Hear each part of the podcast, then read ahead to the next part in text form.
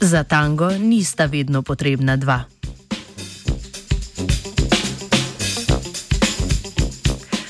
V današnjem znanstvenem Britofu se bomo zavestno izognili koronavirusu, pravzaprav kar vsem virusom. Kot logično alternativo si bomo izbrali bakterije. Bakterije si z različnimi metabolnimi strategijami v najrazličnejših okoljih lahko zagotovijo vir energije.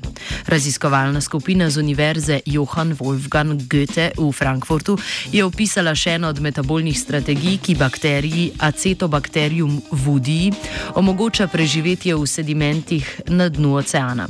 V odsotnosti kisika ta bakterija fermentira organsko snov, pri čemer med drugim nastaja tudi vodik, ki pa ga bakterija ponovno uporabi za pridobivanje energije. Proces fermentacije, kjer v odsotnosti kisika mikroorganizmi pretvorijo sladkorje v kislino ali alkohol, je odgovoren za številne kulinarične dobrote in opojne napitke. Naj omenimo vsaj kislo zelje, sir, kavo in pivo. Vseh teh ne bi poznali brez fermentacije. V procesu fermentacije pa nastaja tudi vodik in ko ga je preveč, se proces lahko tudi ustavi.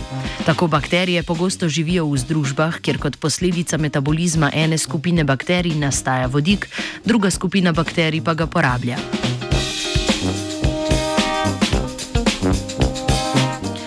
Že omenjena bakterija, acetobacterium vudi, pa v sebi združuje ta dva procesa in nastali vodik znotraj lastne celice reciklira in ponovno uporabi.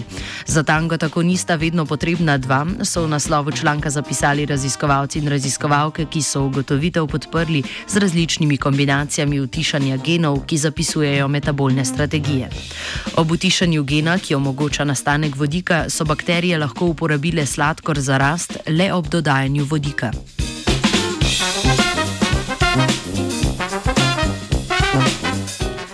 Takšna metabolna fleksibilnost in neodvisnost bakterijam omogoča, da poseljujejo najrazličnejša okolja našega planeta, ki bi jim bila drugače nedostopna zaradi pomankanja energije. Raziskava sicer opisuje zgolj metabolizem ene vrste bakterij, odpira pa utemeljen sum, da je takšnih mikroorganizmov še več.